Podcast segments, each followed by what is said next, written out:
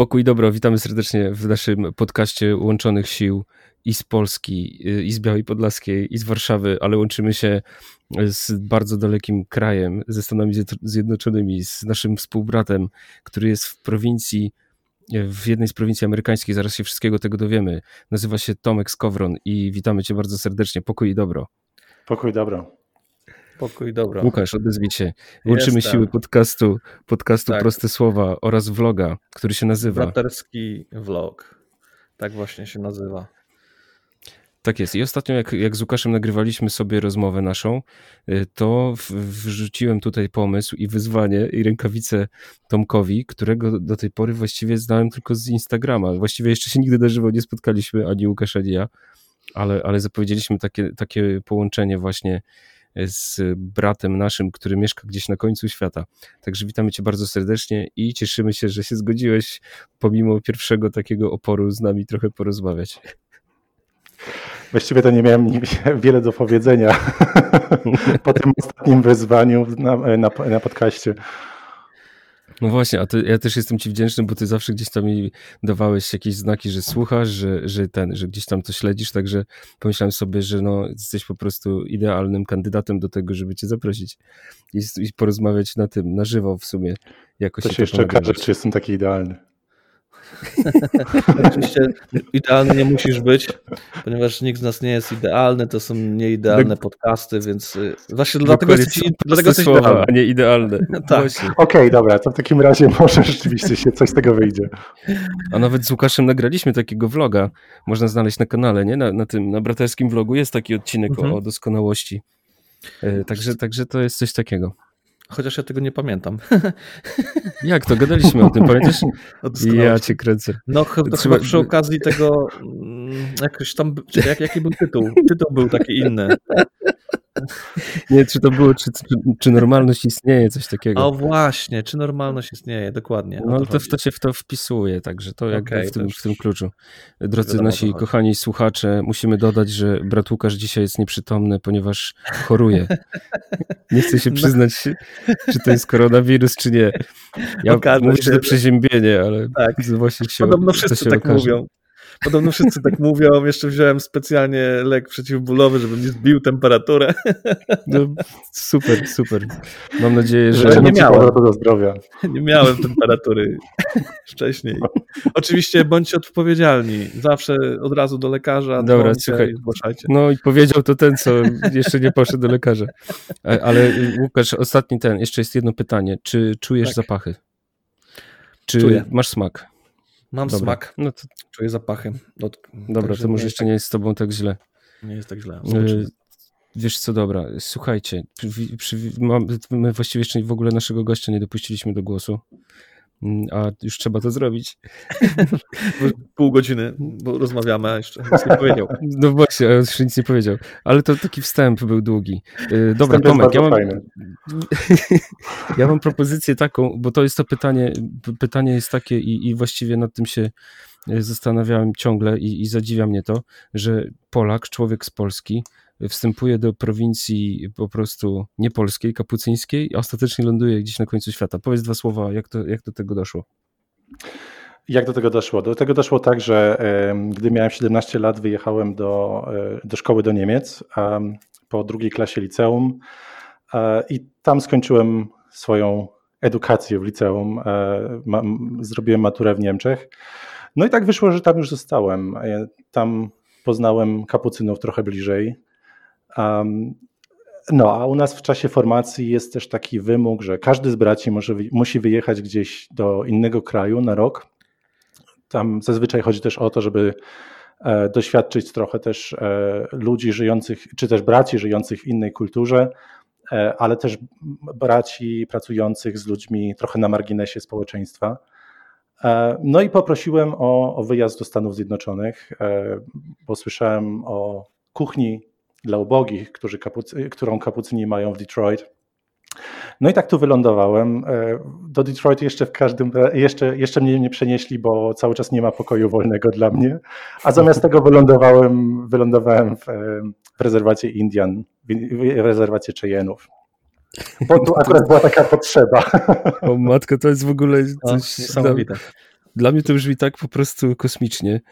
Y, tak zupełnie jakoś nie, nie, nierealnie nawet bym powiedział, jakbyś opowiadał, że mhm. no właśnie tak. chciałem pojechać do pracy z bezdomnymi, ale wylądowałem na Marsie i tam gotuję zupę Marsjanom. Ja tak sobie pomyślałem, pomyślałem sobie, że to już taki scenariusz na książkę może być. już no nawet, byłoby napisać. Nawet Jak... powiem wam, że te krajobrazy czasami zdarzają się takie trochę marsjańskie. ja, ty jesteś tam niedługo, nie? Tam jesteś od niedawna tak naprawdę. E, w rezerwacie w Montanie jestem od e, pięciu tygodni, jakoś tak, mhm. czy już sześć, mhm. coś takiego. Mhm. I powiedz tak, bo to jest też, y, samo, samo Detroit jest związane też z postacią y, Solanusa, y, prawda, mhm. naszego współbrata błogosławionego. Miałeś okazję jakoś tam się spotkać z, z, z, nim, że tak powiem już? Bo ta kuchnia, ta jadłodajnia też jest z nim związana bardzo, prawda? Tak, dokładnie. Solanus był jednym z pierwszych braci, którzy tam posługiwali. Tak, czasami też jest nazywany jednym z pierwszych założycieli. E, I e, do tej pory miałem dwa razy okazję być w Detroit. E, raz na weekend i raz na prawie tydzień. No, rzeczywiście jest to takie miejsce, miejsce niezwykłe. I też dla mnie było ciekawym doświadczeniem pojechać do Detroit w listopadzie po raz pierwszy kiedy świat jeszcze był w miarę normalny, e, i drugi mhm. raz e, w lipcu, kiedy wszystko było mhm. zamknięte, nie? I, i bracia no cały czas zastanawiają się, w jaki sposób kuchnia w ogóle może funkcjonować, w jaki sposób można też chronić, chronić ludzi, chronić gości przed, przed zakażeniem. Zwłaszcza, że w Detroit było bardzo dużo przypadków.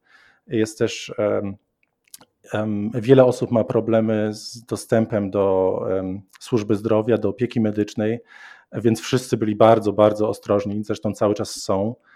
E, no ale to już wszystko trwa tyle miesięcy, że cały czas próbujemy jakoś się przyzwyczaić do tej nowej rzeczywistości i, mhm. bo nie można cały czas żyć, wiecie, w takim, w takim stanie mhm. czuwania, nie? I gdzie czekamy, aż to się wszystko skończy, bo na razie nie widać żadnego końca. Mhm. Ja mam takie py pytanie do ciebie, bo tak mhm. jak tutaj opowiadałeś, to to wszystko brzmi, że tak bardzo szybko to się stało, że teraz jesteś w Stanach Zjednoczonych i w ogóle czy ty jesteś zadowolony? No, że jesteś od niedawna, ale czy jesteś zadowolony, czy w ogóle wcześniej gdzieś myślałeś w ogóle o Stanach Zjednoczonych, bo tak jak ja o tym myślę, to taki bardzo egzotyczny dla nas kraj i gdzieś tak się to wszystko fajnie wydaje, jeżeli tak się popatrzy na, na te książki, na te różne filmy, tak, że tam jest tak mhm. super i tak dalej. I czy w ogóle jesteś szczęśliwy, czy, czy tam się dobrze czujesz, czy to bardziej tak po prostu e, wypadło, że tam jesteś tak mm, losowo? e, więc ja w ogóle w Stanach jestem od, e, od roku. 1 mhm. października w tamtym roku przyleciałem do Chicago, gdzie też spędziłem większość mojego czasu. Mhm. E, I to jest tak, że ja właściwie nigdy jakoś szczególnie nie przepadałem za Stanami i nigdy mnie ten kraj nie interesował. E, bo miałem taką wizję, wiecie, z filmów z Hollywood, gdzieś tam często bardzo, bardzo bogaty kraj, nastawiony na konsumpcję e, i jednocześnie też często bardzo powierzchowny. Mhm. Ale w momencie, kiedy przyjechałem, okazało się, że coś takiego też istnieje, nie? Można spotkać taką rzeczywistość, ale jest też dużo, dużo innych takich poziomów i dużo innych rzeczywistości, innych rzeczywistości w tym kraju. E, I nawet w Chicago dla mnie takim ciekawym doświadczeniem było e, żyć tam z braćmi e, w jednej z południowych dzielnic. Chicago jest jednym z takich miast w Stanach, które jest najbardziej posegregowane. Czyli są dzielnice białe, są dzielnice bogate, są dzielnice latynosów, są dzielnice afroamerykanów i, i często nie ma w ogóle żadnego kontaktu. E, wiele osób nie ma kontaktu z ludźmi z innych dzielnic. Nie? To jest naprawdę jak, jak zupełnie inny świat. Zresztą czasami ludzie też mówią, że Chicago jest takim miastem, miastem dzielnic. Nie? To nie jest jedno miasto, tylko to jest kilkadziesiąt różnych mhm. dzielnic z, róż, z zupełnie inną specyfiką. I tam, gdzie my mieszkaliśmy, znaczy tam, gdzie bracia cały czas są, tam, gdzie ja mieszkałem, e, to jest dzielnica, gdzie jest 96% e, latynosów, więc e, jest jeden, jedyny blok, mhm. Który, który jest w większości biały i to jest ten blok, gdzie, e, gdzie akurat jest nasz dom. Bo było nas, było nas czterech braci, z których w tamty, w te, nie, było nas pięciu na początku, z których jeden ma tylko korzenie meksykańskie, jego, jego babcia jest z Meksyku, mhm. a poza tym byliśmy wszyscy biali. No więc tak sobie żyli, żyliśmy. No i, i, i dla mnie mi to otworzyło też oczy bardzo na, na ludzi, którzy w tym bardzo bogatym kraju, w bardzo bogatym społeczeństwie żyją kompletnie na marginesie bo nie mają, wiele, wiele z tych osób jest e, w tym kraju nielegalnie, czy nie są udokumentowani. Mhm. To znaczy, że mają bardzo utrudniony dostęp do, do, do opieki społecznej, do opieki medycznej, do e, ubezpieczenia, często też trudniej jest znaleźć pracę i tak dalej. No tak. Więc to jest tak, nie, nie wszystko się świeci w tym kraju. Nie? To ciekawe takie, bo tak się wydaje, że no właśnie, tam nawet i bezdomny, że ma, że ma dobrze, nie? Stany Zjednoczone i tak dalej. Jeszcze taka romantyczna wizja gdzieś tam z Nowego tak, Jorku. Z filmów. Tak, tak. Nie, ja to... myślę, że my mamy, wiesz, ukształtowany obraz Stanów przez, mhm. właśnie przez filmy i przez tego typu rzeczy i to w ogóle w, pewnie w ogóle nie przystaje do jakiejś rzeczywistości, tym bardziej, że znamy raczej to, co jest takim popkulturowym tworem, nie? Takim trochę z Hollywood i tak dalej. No to, to, to myślę, że to ma też znaczenie dla nas.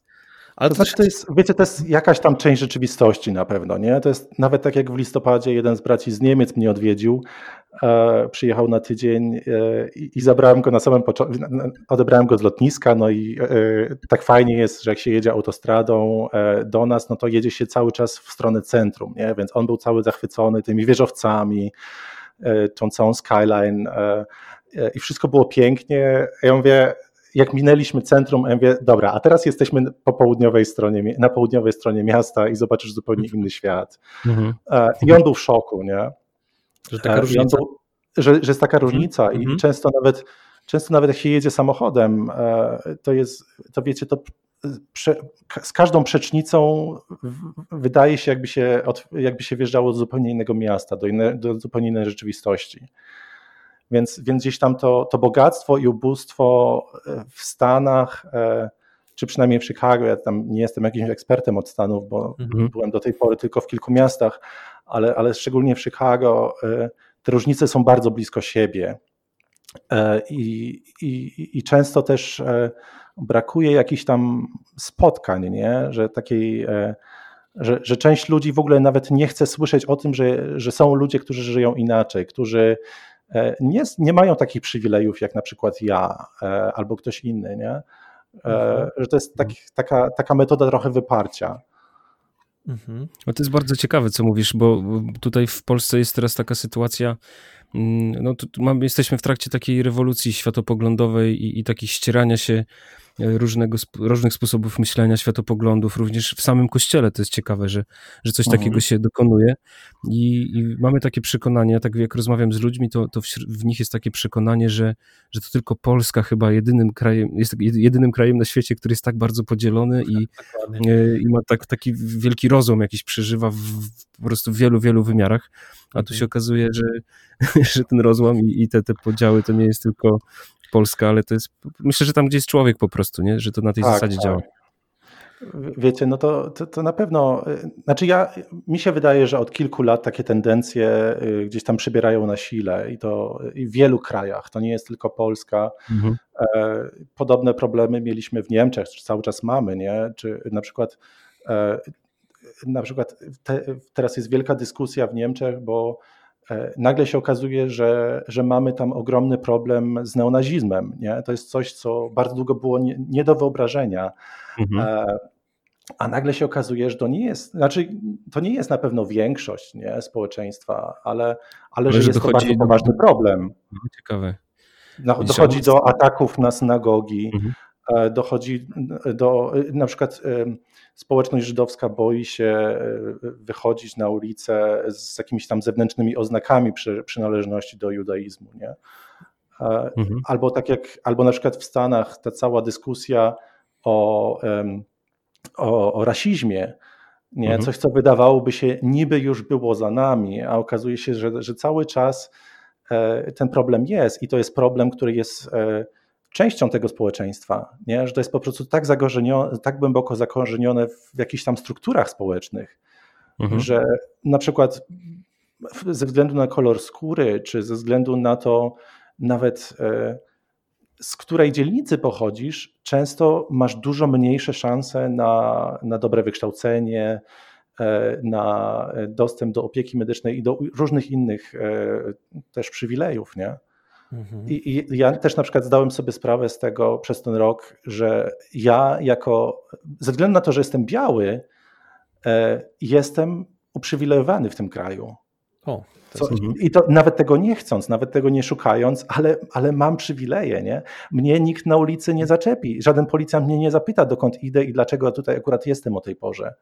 A mhm. wielu Tylko moim dlatego, że... przyjaciołom. Mhm. A wielu moim czarnym przyjaciołom coś takiego zdarza się bardzo często tutaj.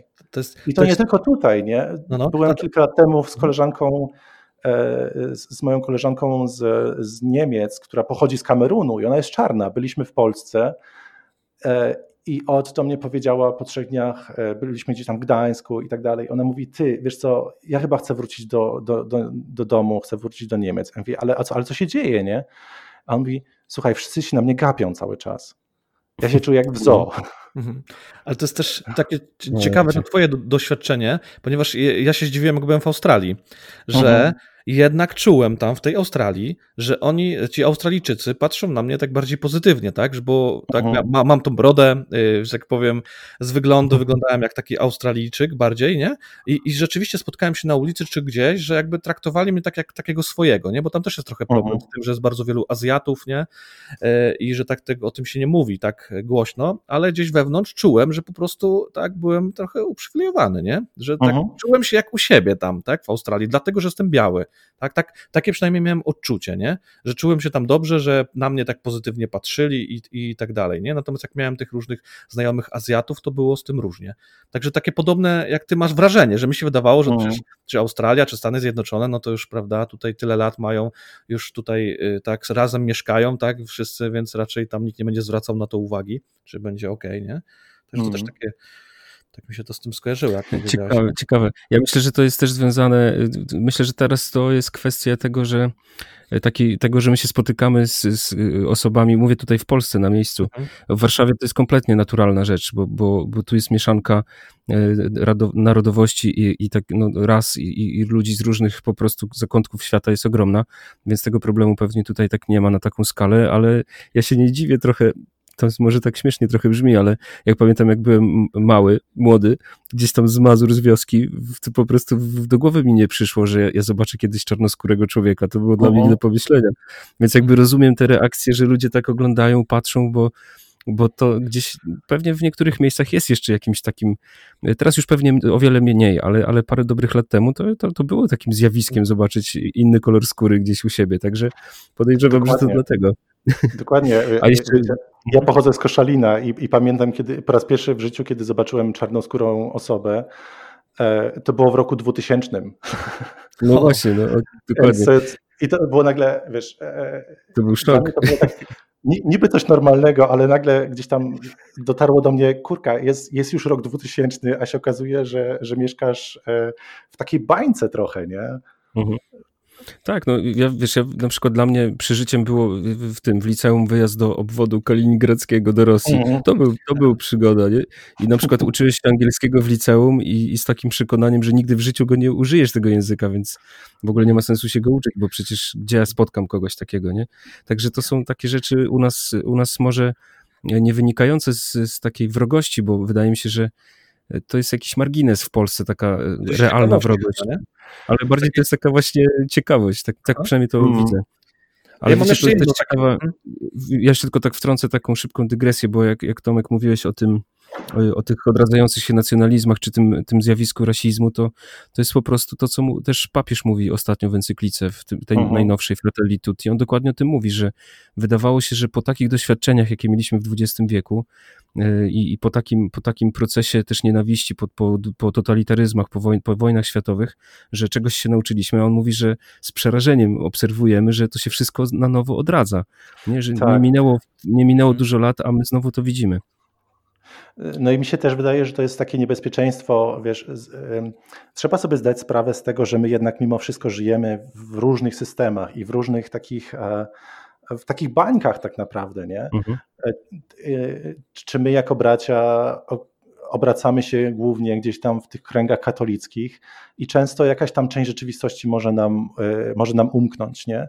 Tak mhm. samo w tej, w tej całej dysk, dyskusji o, o, na przykład o rasizmie, o antysemityzmie, mhm. trzeba sobie zdać sprawę, że my jesteśmy w tej pozycji uprzywilejowanej i warto, warto porozmawiać z osobami, których te, które te problemy osobiście dotykają, nie? ze względu na ich, na, na ich pochodzenie, na ich religię, na ich, e, na ich kolor skóry. Nie? To jest tak jak, e, jak, jak rozmawiamy o, o, o prawach kobiet na przykład w społeczeństwie, e, często się zdarza to, że tylko faceci rozmawiają o tych problemach, a kobiety w ogóle nie są do tych dyskusji zapraszane.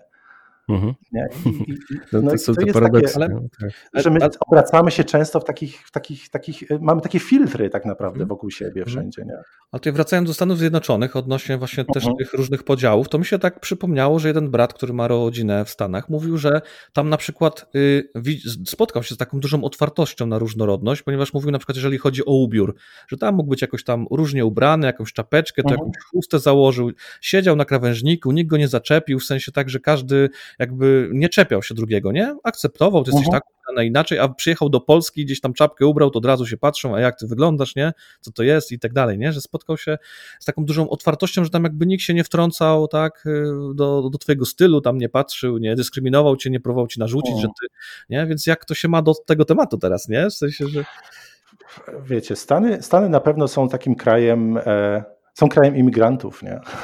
Mhm. Dużo, dużo osób o tym zapomina, mhm. e, ale każdy, kto tutaj jest, no poza, poza rdzennymi mieszkańcami, skądś przyjechał, nie?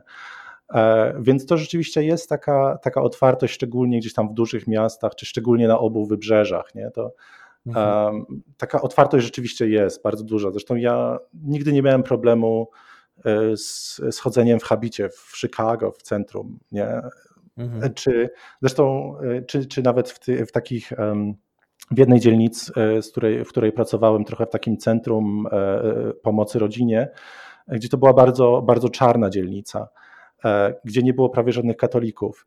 Więc nawet ja, jak się tam pojawiałem, no to podejrzewam, że większość ludzi nie, nawet nie wiedziała o co chodzi z moim habitem, ale nigdy nie byłem za, za, zaczepiony w jakoś tak, e, w taki nieprzyjemny sposób. Nie? Mhm. Często mi się zdarzało, że ktoś tam po prostu zapytał, nie? o co chodzi, co to jest, e, wiesz, e, fajny strój, gdzie to coś takiego można kupić.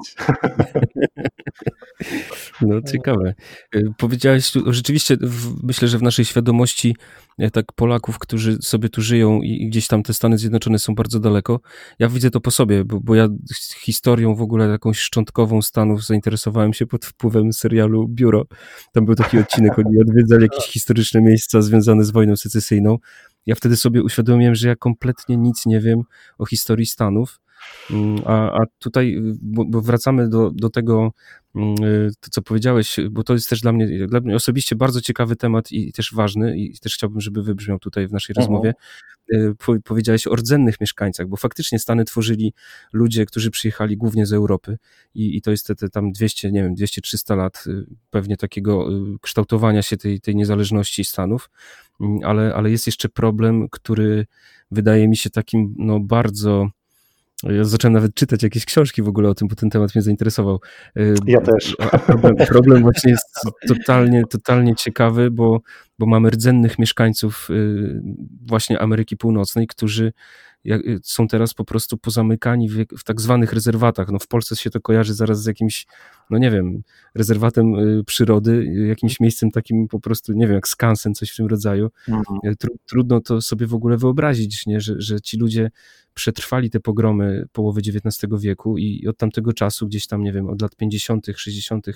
XIX wieku, żyją w rezerwatach ciągle okradani, wykorzystywani i mhm. jakby zamknięci w takich gettach tak naprawdę. To, to się w głowie nie mieści może, ale y, to, to Hitler miał powiedzieć nawet, że w tej idei w ogóle ludobójstwa i, i, budowania gett, on się inspirował właśnie tym, co się działo w Stanach. Także jest to szokujące i wstrząsające. O tym się nie mówi zazwyczaj, bo, bo jest to trudne i, i pewnie Amerykanie współcześnie woleliby zapomnieć o tej historii. Ty mieszkasz aktualnie właśnie w jednym z takich rezerwatów, prawda? Mhm. Tak, ja, ja mieszkam na, y, na takim, na, na, na wschodnim krańcu rezerwatu północnych Cheyenów. Um, I to jest bardzo ciekawe plemię, bo ono jest dość małe, tam jest około 10 tysięcy Cheyenne'ów w całych Stanach. I takie dwa duże skupiska są właśnie u nas w Montanie i, i w Oklahomie też jest, jest druga część plemienia. Mhm. Um, ale to jest plemię, które, które się wywodzi z, um, z obecnego stanu Wyoming, czyli to jest tak na południe od nas, nie wiem, z 400 kilometrów może. Mhm. E, no i to jest tak jak, e, oni mają podobną historię jak, jak wiele innych plemion e, Indian w Stanach, którzy, gdzie byli przeganiani, nie? oni byli przepędzani, Europejczycy zabierali im ziemię, oni musieli gdzieś tam uciekać, później, były, później wracali, gdzieś tam znowu musieli uciekać, były podpisywane różne, były oczywiście wojny, później były podpisywane umowy z rządem Stanów Zjednoczonych, tylko że te umowy, które gwarantowały im jakąś wolność, dawały im ziemię, czyli te właśnie rezerwaty. Tylko problem jest taki, że te rezerwaty to zazwyczaj było tak, że e, jeżeli jakieś plemię osiedlało się w miejscu, gdzie na przykład była dobra ziemia, E, która, była, e, która byłaby dobra na przykład pod rolnictwo, to im się taką ziemię zabierało i dawało się im jakieś nieużytki gdzieś dalej. E, no i mhm. taka, tak jest właśnie na przykład z północnymi Cheyenami, gdzie u nas, no u nas jest trochę pastwisk, nie? gdzieś tam zdarzają się, jest, jest sporo ranch i jakieś krowy, w ogóle setki krów biegają, ale, ale na przykład nie ma E, nie ma w ogóle innych szans cokolwiek tutaj e, zrobić, nie? bo Ziemia się do, kompletnie do niczego nie nadaje. Podczas gdy na zachodzie, na, za moment, muszę się zastanowić, bo mi się słowa mieszają polskie. Na zachodzie, na zachodzie, na zachodzie Montany są wielkie złoża węgla, gdzie wcześniej inne plemiona mieszkały, ale kiedy, kiedy złoża, złoża zostały odkryte, Oczywiście pod jakąś tam osłoną e, przyznawania e, wolności i praw e, rdzennym mieszkańcom Ameryki, tym plemionom, tym plemionom zabierało im, zabierano im tamte ziemie, a dawano im gorsze gdzie indziej. Mhm.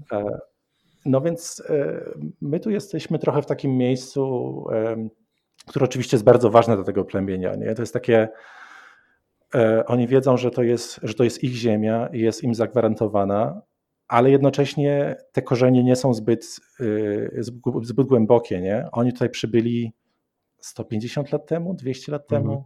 Nie, nie chcę wam skłamać, bo ja, ja, ja mam ten sam problem z historią. Nie? Mhm.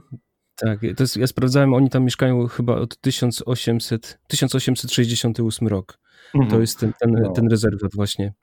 No, y, nawet to jest, no więc to jest rzeczywiście taka sytuacja trochę, nie, że gdzieś tam jest cały czas pamięć o tym e, historycznym, e, o tej historycznej ziemi, z której, z której pochodzą, o tej ojczyźnie, e, której oni już nigdy nie odzyskają, e, ale jednocześnie no, jakieś, jakieś tam przywiązanie do tej ziemi się tutaj rodzi i ono jest, nie? Ono jest. Są nowe tradycje, są nawet nowe święte miejsca. Jest taka święta skała niedaleko nas do której cały czas nie wiem, jak dojechać, bo wszędzie są płoty naokoło. Muszę kogoś dopytać. no więc e, no to jest taka sytuacja, nie? E, jest, jest na pewno dużo takiego mm, zgorzknienia, nie? Mhm. Bo, bo ci ludzie wiedzą, że są po prostu, że mają gorsze, gorsze przywileje, że mają, że mają mniej praw. Mhm. Mhm. Chciałem się zapytać, bo y, właśnie, czy widzisz jakieś tam problemy związane też y, z takim byciem w społeczeństwie? Bo jak byłem w Australii, no to, mhm. niestety problem z, z, aborygenami jest taki, prawda, że mają te rezerwaty, później jak y, tak idą do dużych miast, to sobie nie radzą. Bardzo często wtedy jest właśnie alkoholizm, czy jakiś świat przestępczy i tak dalej, i sobie wielu nie radzi z sobą, czy samobójstwa i tak dalej. I czy to tak też jest w Stanach? Czy oni już raczej się przystosowali trochę do tego społeczeństwa, jakoś sobie radzą lepiej? Wiesz, wiecie co jest, e, ja powiem, mi, się wydaje, że jest podobnie, tylko że problem, problem z alkoholizmem tutaj jest e, nie tylko poza rezerwatem, ale i w rezerwacie, nie? to jest u nas bardzo, bardzo duży problem.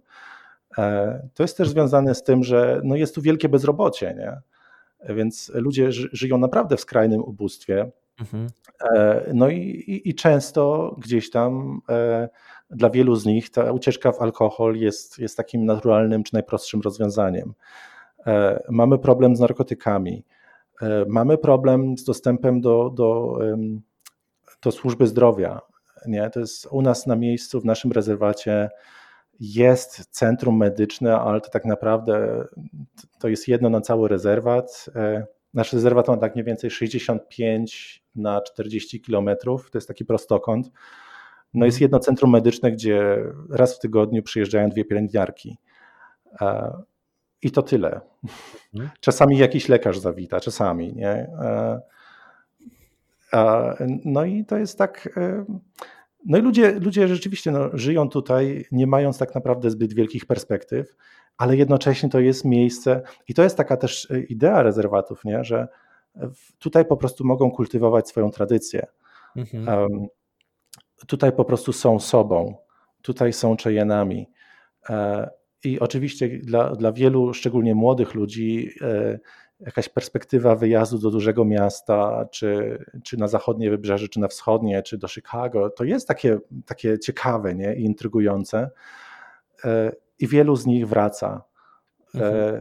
Wraca z różnych powodów. Nie? Część sobie po prostu tam na miejscu nie radzi, mhm. bo się okazuje, że ten świat na, na zewnątrz wcale nie jest, nie jest idealny a część wraca, bo no, tęskni gdzieś tam za tą swoją e, tożsamością. Mhm. No to ciekawe. A powiedz, bo to jest jeszcze ciekawszy temat, chyba teraz wprowadzę troszkę, bo -huh. mnie to mhm. też zaczęło, zaczęło interesować, ponieważ, no wiadomo, Indianie nie są chrześcijanami, nie? Oni jakby z natury nie są ochrzczeni. To nie jest to przyszło, e, no? ta, ta, ta, przestrzeń wiary chrześcijańskiej, a jednocześnie są tam bracia kapucyni, tak? Są misje, misje mhm. też katolickie pewnie chrześcijańskie, nie wiem jak to wygląda, ale, ale wśród nich i teraz jak oni z, was odbierają, nie? Jak, jak oni, czy, czy też, też są po prostu katolicy, parafie katolickie w tych rezerwatach, jak, jak Indianie, którzy, którzy są wychowani w tej, w tej duchowości indiańskiej, tak to nazwę, mhm, e, mhm. jak, no. jak oni was odbierają i czy rzeczywiście jest tam przestrzeń też ewangelizacji i, i czy to znajduje posłuch wśród nich? Ja to tylko uzupełnię, że właśnie zrodziło mi się to właśnie, jak, jak to połączyć, czy są Indianie, którzy właśnie wierzą w Chrystusa, nie? Y, a jednocześnie są wierni tym swoim tradycjom, prawda, i tak dalej. Właśnie to, to jest bardzo, bardzo, bardzo ciekawe, nie? Mhm. No to jest, wiecie, to jest, to jest e, temat inkulturacji chrześcijaństwa, nie? I tego, jak, jak, e, jak połączyć te dwa różne światy, czy trzy różne światy, czy ile tam ich jest, nie? Mhm. Um, I e, i są chrześcijanie u nas e, w rezerwacie, są, są katolicy, są jakieś inne wyznania. E, to nie są jakieś wielkie liczby na pewno, nie?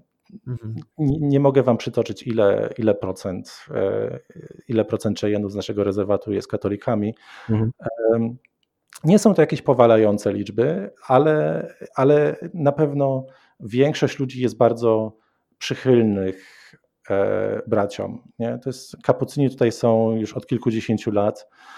E, nie pamiętam dokładnie, 80 lat, 70? Nie, 70 lat to ma nasz kościół.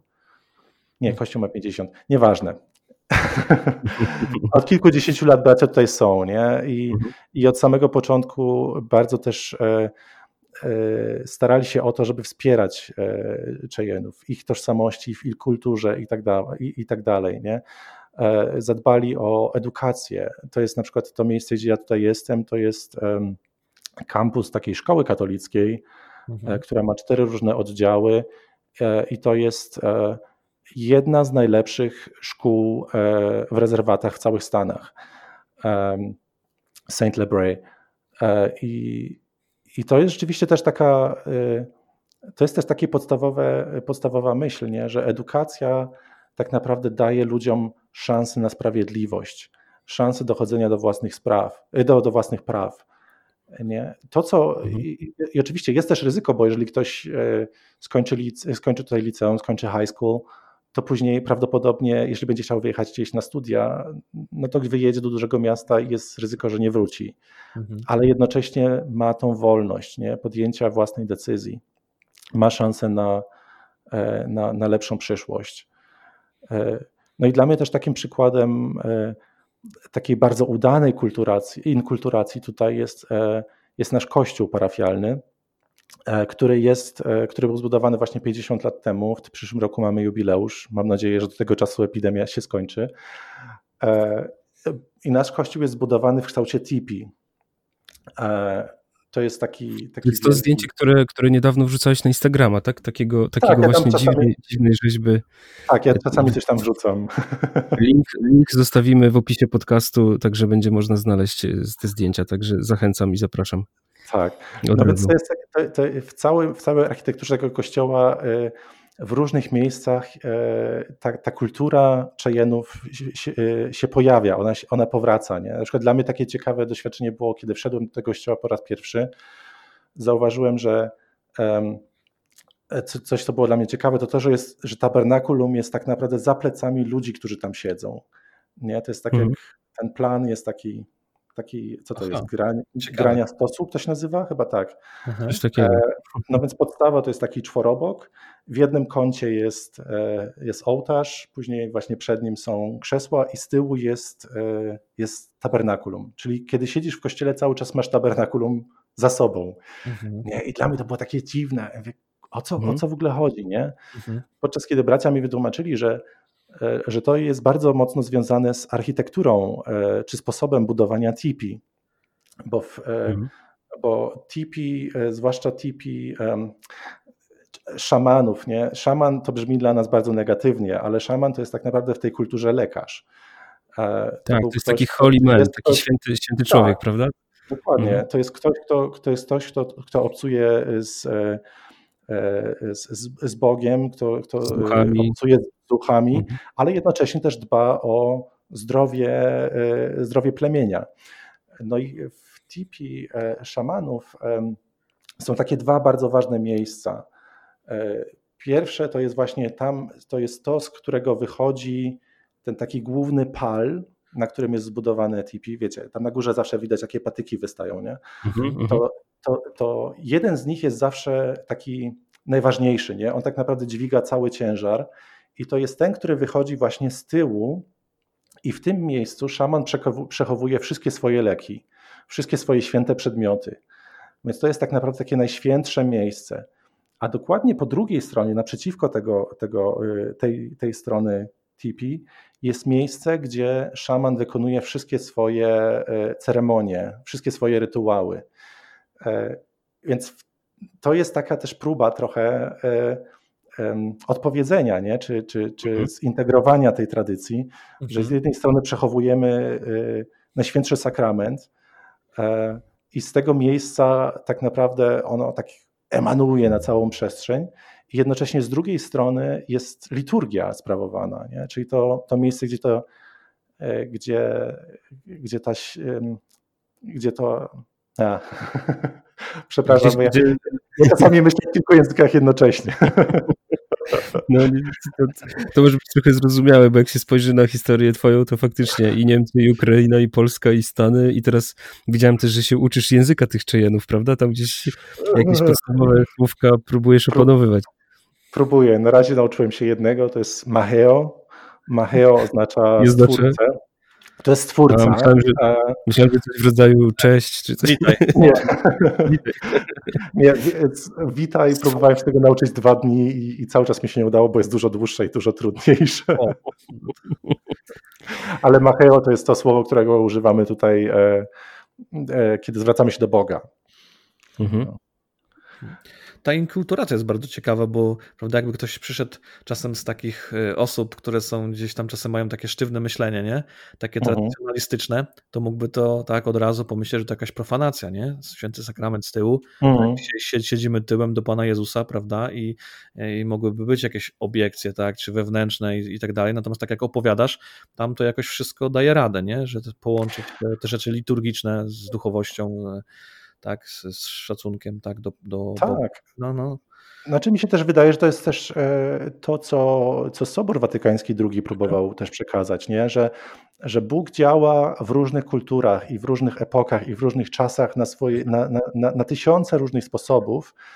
E, I, i, I, myślę, że wyzwaniem tak naprawdę każdego misjonarza i każdego, kto próbuje gdzieś tam się, próbuje gdzieś tam mieć kontakt z tą inkulturacją, to jest, to nie chodzi o to, żeby tak naprawdę, wiecie, teraz wszystko wymieszać, tylko zrozumieć sens, nie? Zrozumieć sens i, i poszukać tych takich, e, e takich korelacji trochę, nie? Mhm. Na przykład dla mnie ostatnio było bardzo ciekawym doświadczeniem bo ja tu uczę religii ósmoklasistów, mam takich siedmiu chłopaków. Mhm. Wszystko jest oczywiście wirtualnie, bo wszystko jest zamknięte u nas cały czas. Mhm. I, I, rozmawialiśmy ostatnio o aniołach. No i o, o, o, o aniołach stróżach dokładnie. No i gdzieś tam rozmawiamy, ja im coś tam próbuję wytłumaczyć, a razem ze mną jest też taki drugi nauczyciel, Jack, który jest w połowie albo w jednej czwartej Cheyenne'em, nie wiem dokładnie, ale on tutaj no jest, jest w tej kulturze, nie? I, I któryś z uczniów go zapytał, on tak mówi, e, właśnie jeden z tych uczniów, poczekajcie, czyli tak, czyli ten anioł, czyli z tymi aniołami, stróżami to jest trochę tak jak z naszymi e, little people, czyli takie małe ludziki, nie? Ma, ma, ma, mali ludzie. Aha. E, I się okazało, że tutaj w tej kulturze jest rzeczywiście takie, w takiej duchowości Cheyenów, czy tam w religii Cheyenów, jest rzeczywiście taki, takie przeświadczenie, że każdy człowiek ma takiego swojego małego człowieczka, który, który opiekuje się tobą, nie? I, i, i inkulturacja mhm. nie polega dla mnie na tym, żeby powiedzieć, o, to jest dokładnie to, nie? I, i to nie ma znaczenia i nie ma różnicy, ale e, bardziej chodzi o to, żeby się nauczyć zrozumieć drugiego człowieka mhm. nie? I, i, nauczyć się mówić jego językiem.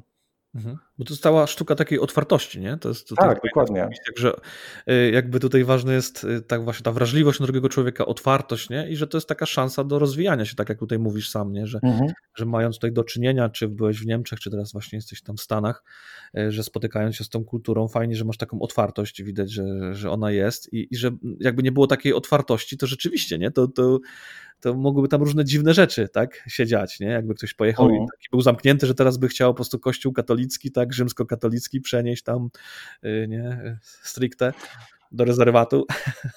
No, tak. Nie, to dla, dla mnie to jest po prostu kwestia dialogu, nie? Mhm. To jest takiego, że jako, jako równouprawnieni partnerzy mhm. e, rozmawiamy o co, tak naprawdę, o, co nam, o co nam tak naprawdę chodzi mhm. e, i jak tego Boga odkrywamy, nie? Bo to też jest tak, że że Kościół katolicki też, e, nasza teologia się cały czas rozwija, że, że my wierzymy, że, że Duch Święty cały czas działa w Kościele i, i to nie jest tak, że doktryna się zmienia, ale doktryna też e, dorasta, mhm. nie? Że, że, że Pan Bóg cały czas przez, przez swojego Ducha Świętego coś nam nowego, co, czegoś nowego nas uczy. E, I, I, dla mnie to jest też taki klucz do zrozumienia e, innej, innej kultury i, i ludzi, którzy, e, mhm. W którym, o których wiem i, i, jestem przekonany, że Pan Bóg działa w ich życiu. Ja, ja jestem przekonany, że Pan Bóg tutaj działał wiele, wiele setek lat, zanim pierwsi misjonarze tutaj przybyli. Super. No.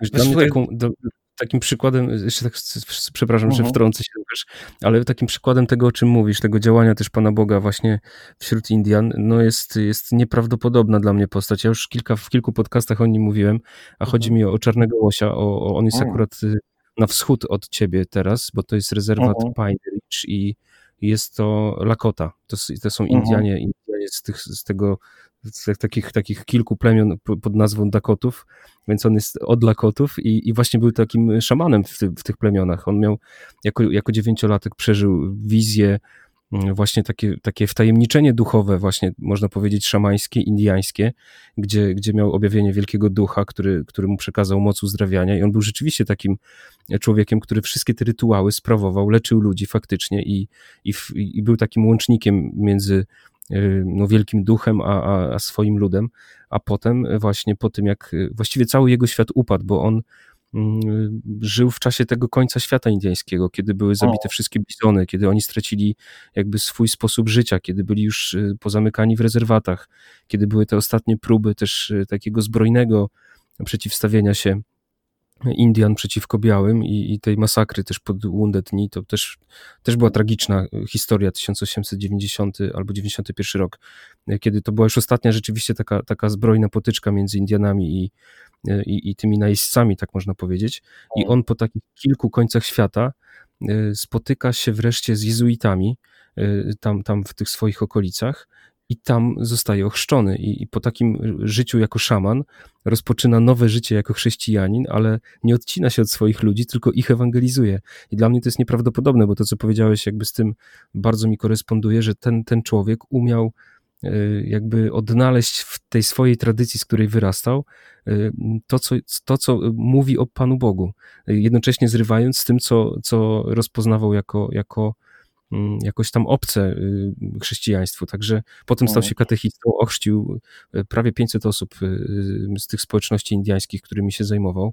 No i dzisiaj sługą Bożym. To jest dla mnie w ogóle kosmiczna jakaś sytuacja, nieprawdopodobna tak. i, i, czekam na jego beatyfikację też bardzo. No, Także... on, jest, on jest też taką bardzo ważną postacią tutaj dla, dla wielu plemion, nie? prawdopodobnie mhm. dla wszystkich plemion Indian, przynajmniej dla, dla chrześcijan z tych plemion. Nie? Że to jest, bo to, co jest ciekawe o E, e, to, co jest ciekawe w Czarnym Łosiu, to jest to, że on cały czas pozostał sobą, nie? Że on tak mhm. tak naprawdę e, odkrywając chrześcijaństwo, odkrył, zaczął siebie lepiej rozumieć i, i zaczął lepiej rozumieć też swoją własną kulturę. Mhm. On to też mówi, że, że właściwie ta dzisiejsza sytuacja Indian, y, czyli takiego właśnie zamknięcia w tych rezerwatach i można powiedzieć końca ich cywilizacji, ona swoje przedłużenie i, i wyjaśnienie w ogóle może znaleźć tylko w Chrystusie. I, mhm. I, dla mnie to jest y, słowo z potężną mocą, bo to jest właściwie słowo o każdym człowieku. Jeżeli chcesz zrozumieć w ogóle swoje życie i swoją historię i, i mieć światło na swoje życie, to tylko w Chrystusie. A on, on to jakby pokazuje w kontekście cały, całego, całe, no wszystkich Indian, całej społeczności indiańskiej. Także no, to jest coś niesamowitego. Dobrze, słuchajcie. Ja chciałem powiedzieć, bo nie wiedziałem, czy chcesz coś dopowiedzieć, ale ja też y, się mhm. cieszę, że mogliśmy z tobą, Tomku, porozmawiać, bo ty jesteś kimś takim konkretnym dla nas, tak? Kto był w Niemczech, kto był w Stanach, tak? Czyli możemy spojrzeć na takiego brata, który, można powiedzieć, właśnie doświadczył innej kultury, tak? I, I, bardzo fajnie jest posłuchać, jakie ty masz myślenie, nie? jakie masz doświadczenie, bo troszeczkę wychowywałeś się w innej kulturze niż my, chociaż wiele lat spędziłeś w Polsce, ale, ale już wiele lat jesteś poza Polską. I to jest bardzo no. fajne e, usłyszeć, jak na to wszystko patrzysz, jak o tym myślisz, bo my czasami gdzieś tam tylko e, słyszymy różne jakieś tam narracje, nie? Z jednej czy z drugiej strony, natomiast możemy tak z takiej strony katolickiej też usłyszeć, nie? Jak ty jako właśnie kapucyn, też jako ktoś też związany z Polską, jak patrzysz na te sprawy, ale też związany z Niemcami i ze Stanami Zjednoczonymi teraz, nie? I, I mi się bardzo podoba ta twoja otwartość, bo to jest, myślę, teraz bardzo ważny temat taki, nie? W Kościele, tej otwartości właśnie do Ducha Świętego, bo, bo wiele osób gdzieś próbuje jakoś do tej tradycji się odnosić, y, próbując jakoś walczyć, nie wiem, z, z tym, co się dzieje, że widzą pewne jakieś nieprawidłowości, więc myśli, że po prostu wystarczy tylko wrócić, nie? Do jakichś tam y, przepisów, czy do tego, co było wcześniej w Kościele. Natomiast tutaj bardzo fajnie pokazujesz, że y, no tutaj to działanie Ducha Świętego, ta otwartość, że ona przynosi owoce i jak opowiadasz, to po prostu super to brzmi. Jeszcze tutaj Szymon mówi o, o, o tym czarnym łosiu, tak? Ja o tym nie tak, słyszałem, tak, tak, tak. przyznam. I nie słyszałeś, chyba nie słuchasz moich podcastów. No właśnie, nie. Tak ale myślę, że to nadrobię, wiesz, i poczytam trochę o tym, bo to jest no, bardzo, bardzo ciekawe.